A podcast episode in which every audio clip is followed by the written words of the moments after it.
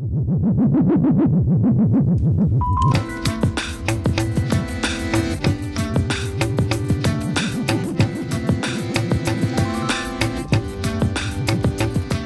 tempo da conversa desta tarde en Efervesciencia contamos o outro lado do teléfono con Jerónimo Puertas, que é catedrático de Enseñería Hidráulica na Universidade da Coruña. Moi boas tardes, Jerónimo. Buenas tardes. Jerónimo Portas deu esta semana un relatorio no Ateneo Compostelán no que falaba das causas das inundacións en Galicia. Eh, de feito, as inundacións é o principal risco que corremos. En Galicia non temos eh, risco de terremotos ou de volcáns, pero sí de inundacións. Sí, afortunadamente el riesgo geológico que hay en Galicia es, bueno, muy moderado. Pero sin embargo sí tenemos que temer un poquito a las crecidas de, los ríos y a las fuertes tormentas, porque en los últimos años sí que nos han causado algún problema, sí, sí. Cando falamos de inundacións non é mesmo falar de inundacións no Mediterráneo que inundacións en Galicia, por exemplo. Claro, eh, normalmente pensamos que en Galicia llueve mucho y es verdad, es verdad. Al cabo del año, pues eh, la precipitación acumulada pues puede ser 1.500 milímetros a lo mejor como promedio, mientras que en el Mediterráneo, en, zonas como Valencia, Murcia, Cataluña, pues a lo mejor no llegan a las 800. Pero se da con frecuencia, de hecho este mismo invierno, en diciembre, seguro que, los oyentes recuerdan un, algunos episodios en Murcia y en la comunidad valenciana, donde en un día cayeron eh, 200, 300 milímetros. Esa es una lluvia muy torrencial, muy puntual, que eso en Galicia afortunadamente no, no sucede.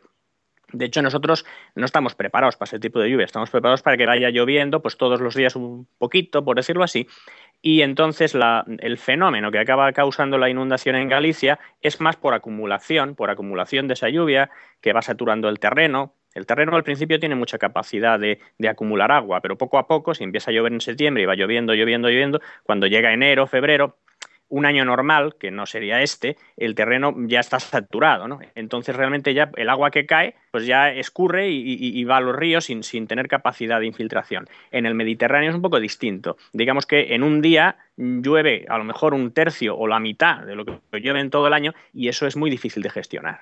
Quizá lo que más se pueda parecer, para la gente que, tenga esta memoria, a, a, lo que pasa en el Mediterráneo son aquellos sucesos de hace como 10 años, en el año 2006, en que en zonas que quizá la gente recuerde como C o Villa García, pues cayeron chaparrones muy, muy intensos, durante poquito tiempo, pero muy intensos. Y ahí se generaron problemas puntuales importantes. Con todo, esos fenómenos del año 2006, siendo muy intensos, no llegaron ni con mucho a los niveles de, del Mediterráneo, afortunadamente. También hay que decir que en el Mediterráneo las infraestructuras, pues el, el, el, alcantarillado, por ejemplo, en la zona urbana, está preparada para eso. Mientras que aquí en Galicia, como no estamos acostumbrados a ese tipo de precipitación tan intensa, pues nuestras alcantarillas son más pequeñitas. Entonces, hombre, pues cuando llega un fenómeno como el del 2006 en Villa García, pues hay problemas. Hay problemas porque llueve más de lo esperado y porque no estamos preparados para ese tipo de fenómenos. En las inundacións, por exemplo, de C do, do 2006, había tamén outro fenómeno que se engadía que foran os lumes previos dese verán que, que sí, acabaron co sí, chan. Es cierto, el, el, eh, el año 2006 fue un año bastante desgraciado, por decirlo así, porque si, si recuerdan los oyentes, eh, durante el verano eh, hubo una campaña de incendios que fue, fue brutal, de hecho fue la mayor que se recuerda en los últimos tiempos, y muchas zonas quedaron muy desprotegidas. Al final, antes comentábamos que la infiltración es la que retiene la lluvia, pero claro, si, si, hay unos incendios tan severos como los de ese año, acaban con el suelo y el suelo se convierte prácticamente en ceniza, con lo cual realmente esa ceniza no tiene capacidad de retener la lluvia. No solo eso, sino que la lluvia arrastra la ceniza y se pierde el suelo, se pierde en algunos casos para siempre, lo cual es, digamos, desastroso. Ese año se dio eso, es decir, eh, se dio una campaña de incendios muy fuerte y, desgraciadamente, acto seguido, en septiembre, octubre, tuvimos unas lluvias muy, muy pronunciadas. Entonces, en algunos casos, al fenómeno de esa lluvia se unió una escorrentía muy fuerte que arrastró los suelos, eh, perdón, los suelos y, las cenizas. Y es posible que la gente recuerde cómo incluso en las rías pues, hubo un problema, digamos, medioambiental por ese exceso de ceniza que llegó. Outra circunstancia que se dá é que ás veces urbanismo en vez de ser unha solución é un problema. Sí, la verdad es que sí. Eh, históricamente los asentamientos urbanos han tendido a ponerse al lado de los ríos porque, bueno, es cómodo, ¿no? Porque necesitamos el agua para vivir. Pero claro, eh, el problema de la, mm, del estar cerca de los ríos es que de vez en cuando los ríos eh, piden más sitio del usual, ¿no? Es el momento de las crecidas de los ríos. Las crecidas se dan de tanto en tanto, no todos los años hay una crecida, ni siquiera cada cinco años, y a veces perdemos la memoria de, de, qué espacio necesita el río. Digamos, si hace cinco años que el río no se salió de su cauce, tendemos a pensar que no se saldrá nunca.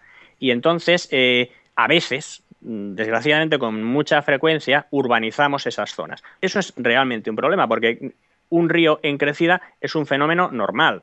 Lo que no es normal es que se conjugue esa crecida con una colonización excesiva. Ahí, bueno, pues desgraciadamente nos tenemos que poner, porque no nos queda otro remedio, del lado del urbanismo, porque hay que proteger a las personas, pero hay que reconocer que la razón, en el fondo, la tiene el río, porque ese terreno era del río. E en ocasións perdemos a memoria e logo nos, nos laiamos, e queremos protexer cando invadimos os territorios do río e logo cando vemos inundacións resulta que son inundacións na, na rúa do río ou na rúa das Brañas. Aí hai unha memoria eh, toponímica que nos di que, que por aí hai agua.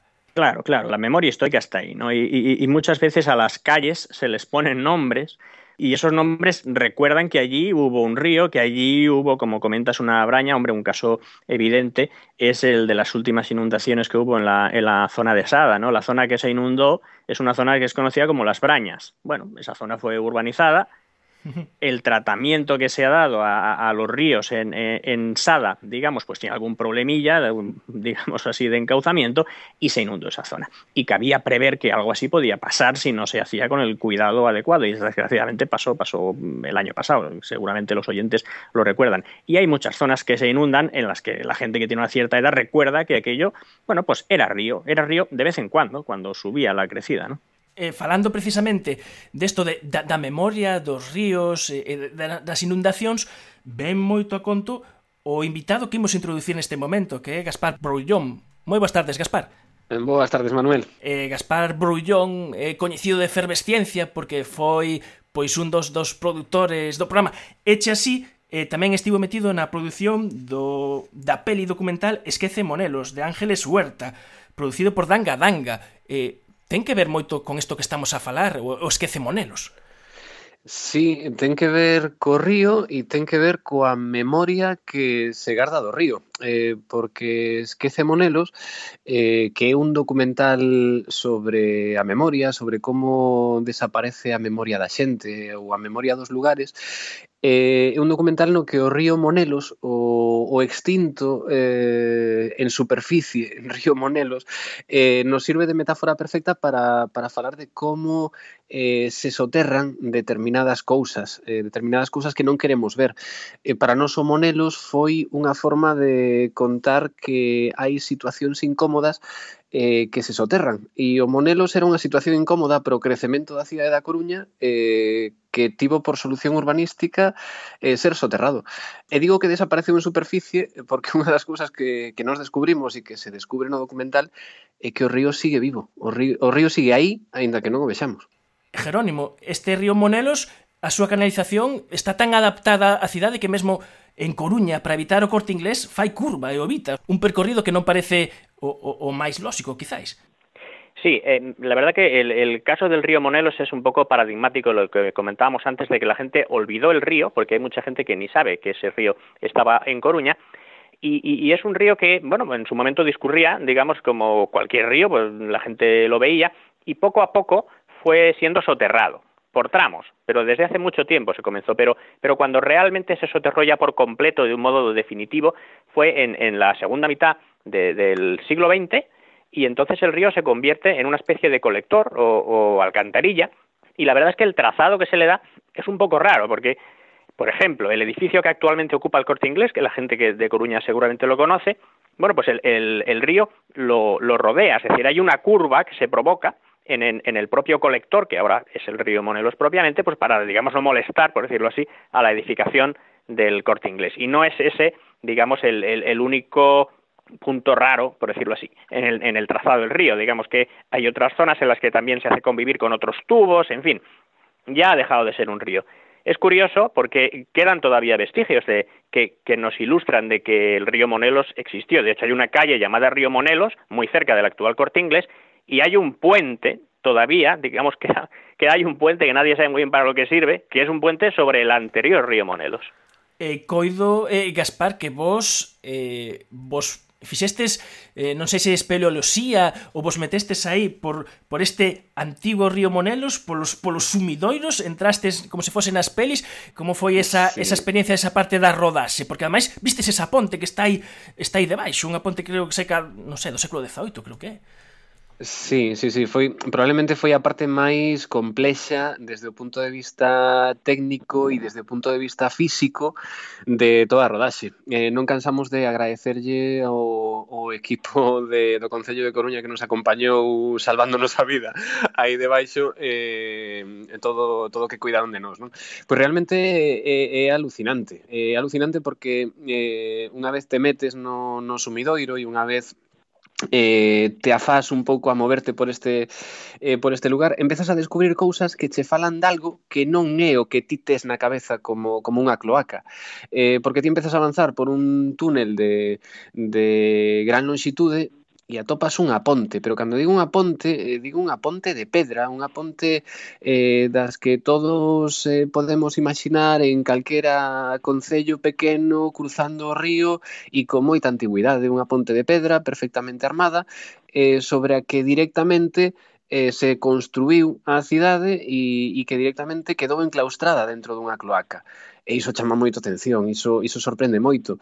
Pero que non é só iso, é que ti estás camiñando eh, coa sensación de que os teus pés se moven por eh, cousas que non queres saber moi ben o que son e descubres anguías eh, anguías eh, que noutro tempo eh, remontaban o río e que agora siguen remontando o río, pero o río convertido en, en cloaca. Realmente a experiencia da, cloaca pola que agora transcurre o río foi foi realmente moi eh, moi complicada, eh, pero tamén foi das máis enriquecedoras desde o punto de vista narrativo e tamén desde o punto de vista personal de descubrir todo ese mundo que, que existe aí abaixo. Non? Pois que haxa moita sorte, a verdade que a historia a historia promete por esas dúas vertentes, o río, a memoria, o esquecemento.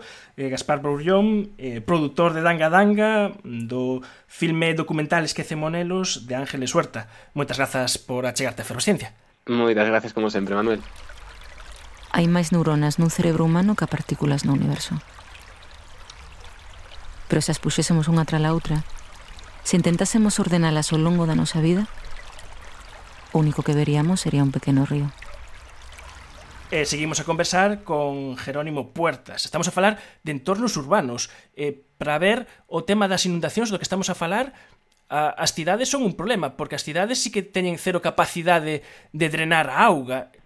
Claro, las ciudades son doblemente complejas, porque por un lado, el hecho mismo de que se construya la ciudad hace que, el agua ya no pueda infiltrar. La ciudad, digamos que convierte el entorno de cerca de los ríos en un entorno impermeable. Entonces, todas las gotas de agua que caen eh, generan o pueden generar inundación. Por eso construimos los sistemas de, de drenaje, ¿no? las alcantarillas, como estábamos comentando. Y por otro lado, si urbanizamos en exceso, como comentábamos hace un ratito, pues tampoco dejamos sitio al río, ¿no? Entonces estamos agravando el problema por dos motivos. Si por el motivo que sea las lluvias se hacen algo más eh, fuertes y no teníamos eso previsto, pues bueno, las ciudades son un punto que siempre es problemático a la hora de, generar inundación, pues porque las alcantarillas no son suficientes para tragar, o porque son pequeñas, o porque no las estamos manteniendo adecuadamente, y si nos hemos pasado un poco en la presión que hacemos sobre el río, bueno, pues a lo mejor un problema que viene de arriba, donde se manifiesta es en el entorno fluvial, porque realmente el río no cabe por esa zona. De esto tenemos varios ejemplos, no solo en Galicia, sino en todo el mundo. Debo decir que la presión sobre los ríos no es algo endémico de Galicia, la presión sobre los ríos se da en todas partes. E vos para simular o que acontece no drenaxe eh, urbano utilizades eh, métodos de inteligencia artificial para poder facer os vosos cálculos, os vosos cómputos.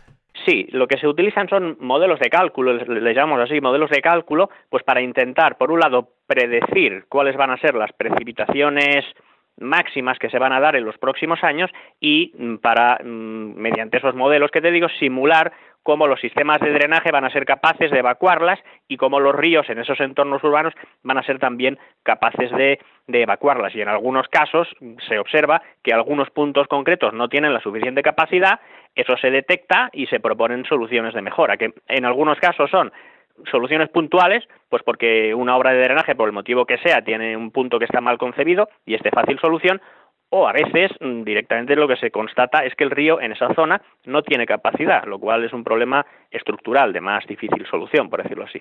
Eh, para facer fronte aos riscos de inundación hai institucións encargadas eh, de velar destes asuntos existe unha normativa europea que eh, obriga a facer eh, planes preventivos, a facer mapas, a, a ter en conta eh, todas estas circunstancias e conseguir, por un lado, eh, ter unha prevención de minimizar inundacións que poidan causar danos e, por outro lado, tamén está a actuación no momento que ocorre a inundación, sí. que ese é o papel do, do 112. Sí, sí, como bien apuntas, eh, hai dos escenarios e, por lo tanto, dos instituciones. Por un lado está el análisis con calma, por decirlo así, a largo plazo, para ir detectando cuáles son las zonas que van a requerir mayores inversiones o mayor atención. Eso es lo que conforma los planes de, de inundaciones que todas las administraciones hidráulicas, en el caso de Galicia, por un lado sería Aguas de Galicia y por otro la Confederación Hidrográfica del Miño-Sil, pues han tenido que hacer en los últimos años. Hay una directiva europea que marcaba, digamos, la línea a seguir y todas las confederaciones hidrográficas en España y en Europa, o sus homólogos, digamos, en Europa, han tenido que ir evacuando unos eh, documentos, pues en el año 2011 una primera entrega, en el 2013 la segunda y en el 2015 la última y definitiva, lo que ahora permite que en Galicia, en cualquiera de las dos eh, confederaciones, eh, Aguas o, o Miñosil, pues haya un, unos mapas de inundaciones que cualquier ciudadano puede consultar entrando en sus páginas web y observar si su zona eh, tiene riesgo de inundación y si ese riesgo es bajo o severo. Y además, en la última entrega también hay lo que se llaman planes, es decir, si, si me consta que una zona eh, tiene riesgo de inundación y además puede afectar a, a, bienes o a personas, bueno, pues ¿qué tenemos que hacer? Bueno, pues para cada una de las zonas hay unos planes de medidas. Eso es, mm, digamos, lo que se va a hacer a largo plazo. Y después hay otra administración que tiene que ver con eh, la operativa en el caso de que realmente haya una inundación, ¿no? Y ahí está, como comentabas, el 112, la Agencia Galega de Emergencias o Protección Civil, que se movilizan de acuerdo con unos protocolos. Esos protocolos, pues también, obviamente, conciernen a otras administraciones, a las propias administraciones hidráulicas que comentábamos, a los concellos, a, en casos extremos hasta el ejército. ¿no? En Murcia, las últimas inundaciones de, de, del año pasado, es posible que, que, los oyentes recuerden que en la prensa decían se ha llegado a nivel 2 de emergencia. Bueno, pues llegar a nivel 2 implica que se movilizan unos recursos y, y, y si llegamos a, a, un mayor nivel, pues, pues, pues ya se pide, digamos, eh, apoyo a, a a todos los niveles. Se moviliza pues eh, todas las fuerzas de seguridad del Estado, incluyendo ejército, y bueno, digamos que todo eso está protocolizado y yo creo que bastante engrasado en el caso de España y en el caso de Galicia. Un dos conceptos que, que manexades é o de período de retorno, que digamos que estes son fenómenos eh, aleatorios, é dicir, podemos saber unha media de ocurrencia de estas inundacións, pero non sabemos se si vai ser mañán ou vai ser dentro de, de, de cinco anos. entonces hai zonas nas que a inundación pode ser máis recurrentes, que poden ser pois, cada cinco anos, e outras que mellor poden ser cada século, que cando eh, se perde eh, a memoria. Claro. Pero o, o problema quizás aí surde que o mellor as que poden ser de un período de retorno máis longo que xa perdemos a memoria, o mellor poden ser de gran intensidade. Eh, cal é o, non sei, o peor escenario previsto que, que pode que pode acontecer? Que é o peor que nos podemos enfrentar? Bueno, saber lo que es lo peor es, es muy complicado. Eh, yendo un poco por partes en lo que tú apuntabas, efectivamente manejamos muchas veces este concepto de periodo de retorno que se dice, bueno, pues esto es una inundación de 10 años o de 100 años de periodo de retorno. De hecho, si, si, los oyentes tienen la curiosidad de entrar en esas páginas web de las administraciones, verán que los planos de zonas inundables se presentan así. Zonas inundables para 10 años de periodo de retorno o zonas inundables para 100. Cuando dice para 10, lo que quiere decir, así hablando un poco rápido, es que como promedio, una vez cada 10 años, esas zonas se pueden inundar. Esto no quiere decir que vaya a ser una vez cada 10 años necesariamente. Se puede inundar el año que viene y quizá el siguiente y después quizá no otra vez hasta dentro de 15 o 20 años. Pero si miráramos esto con suficiente tiempo como promedio, sería una vez cada 10. Obviamente, estamos en una peor condición si nos inundamos una vez cada 10 años que si nos inundamos una vez cada 100. También te tengo que decir que aunque todo esto se hace con la mejor voluntad y con los mejores datos posibles, el hecho de que existan variabilidades climáticas y el hecho de que exista el cambio climático, como todos los oyentes saben, hace que estas estimaciones, bueno, estén sujetas a un cierto error. Es decir, que cuando hablamos de 10 o de 100 años es posible que esto dentro de 15 o 20 años cuando se haya asentado un poco la variación en los registros climatológicos, pues deba ser corregido. Yo creo que ahora mismo seguimos utilizando esta nomenclatura, pero todo el mundo es consciente de que el cambio climático puede afectar cuantitativamente a esto. Y lo que ahora decimos que son 100 años, pues quizá dentro de un tiempo tengamos que corregirlo. Porque todavía no hay moito, moita incertidumbre en saber si o cambio climático afecta a intensidade das precipitacións. Bueno, que afecta está claro. Lo que no está claro es eh, en cuánto afecta. Es decir, los últimos informes del panel de cambio climático ponen de manifiesto que eh, el cambio climático em, genera incrementos de temperatura, genera variaciones en la precipitación anual y que genera eh, variaciones en, cómo llueve. El problema es que es más o menos cuantitativo en lo que se refiere a la temperatura y a la precipitación global, con ciertos márgenes en función de los escenarios, pero no es tan cuantitativo en cómo afecta a la intensidad de la precipitación y si esa precipitación va a ser más o menos, digamos, torrencial apunta, digamos, tendencias cualitativas. Pues en esta zona parece que va a ser un poco más eh, fuerte, en esta zona parece que va a ser un poco más débil, pero no tenemos, la verdad es que no los tenemos, datos como para decir, no, pues mm, preveo que va a ser un 20% más torrencial. Eso no existe ahora mismo. No existe y seguramente dentro de unos años existirá porque los estudios y modelos de cambio climático cada día afinan más. En Galicia, en este caso, tenemos, por así decirlo, a sorte de que zonas hechas tenemos pocas, pero algunas tenemos y ahí también hay que tener en cuenta las cuestiones de inundaciones. Claro, hombre, las zonas llanas en Galicia, bueno, obviamente hay zonas llanas cerca de la costa, pero las grandes zonas llanas de Galicia están más bien en el interior. Yo estoy seguro que todos los oyentes, pues, si piensan en zonas llanas, pensarán en la, en la Terrachá, en Lugo, o pensarán en, la zona de la Limia, en Shinzo. Son grandes extensiones, grandes extensiones planas donde realmente el drenaje es muy complicado. Si llueve ahí, sacarse el agua de encima es muy difícil. El, fenómeno que comentábamos antes tiene más que ver con grandes zonas llanas costeras. Hombre, hay zonas que son delicadas, ¿eh? quiero decir, toda playa o entorno costero que no tenga mucha pendiente es susceptible de tener un problema a, medio largo plazo si se manifiestan, en la medida en que parece que se van a manifestar, las elevaciones del, del nivel del mar. Esto mm, en toda la costa española mm, podría llegar a generar un problema, no solo en Galicia.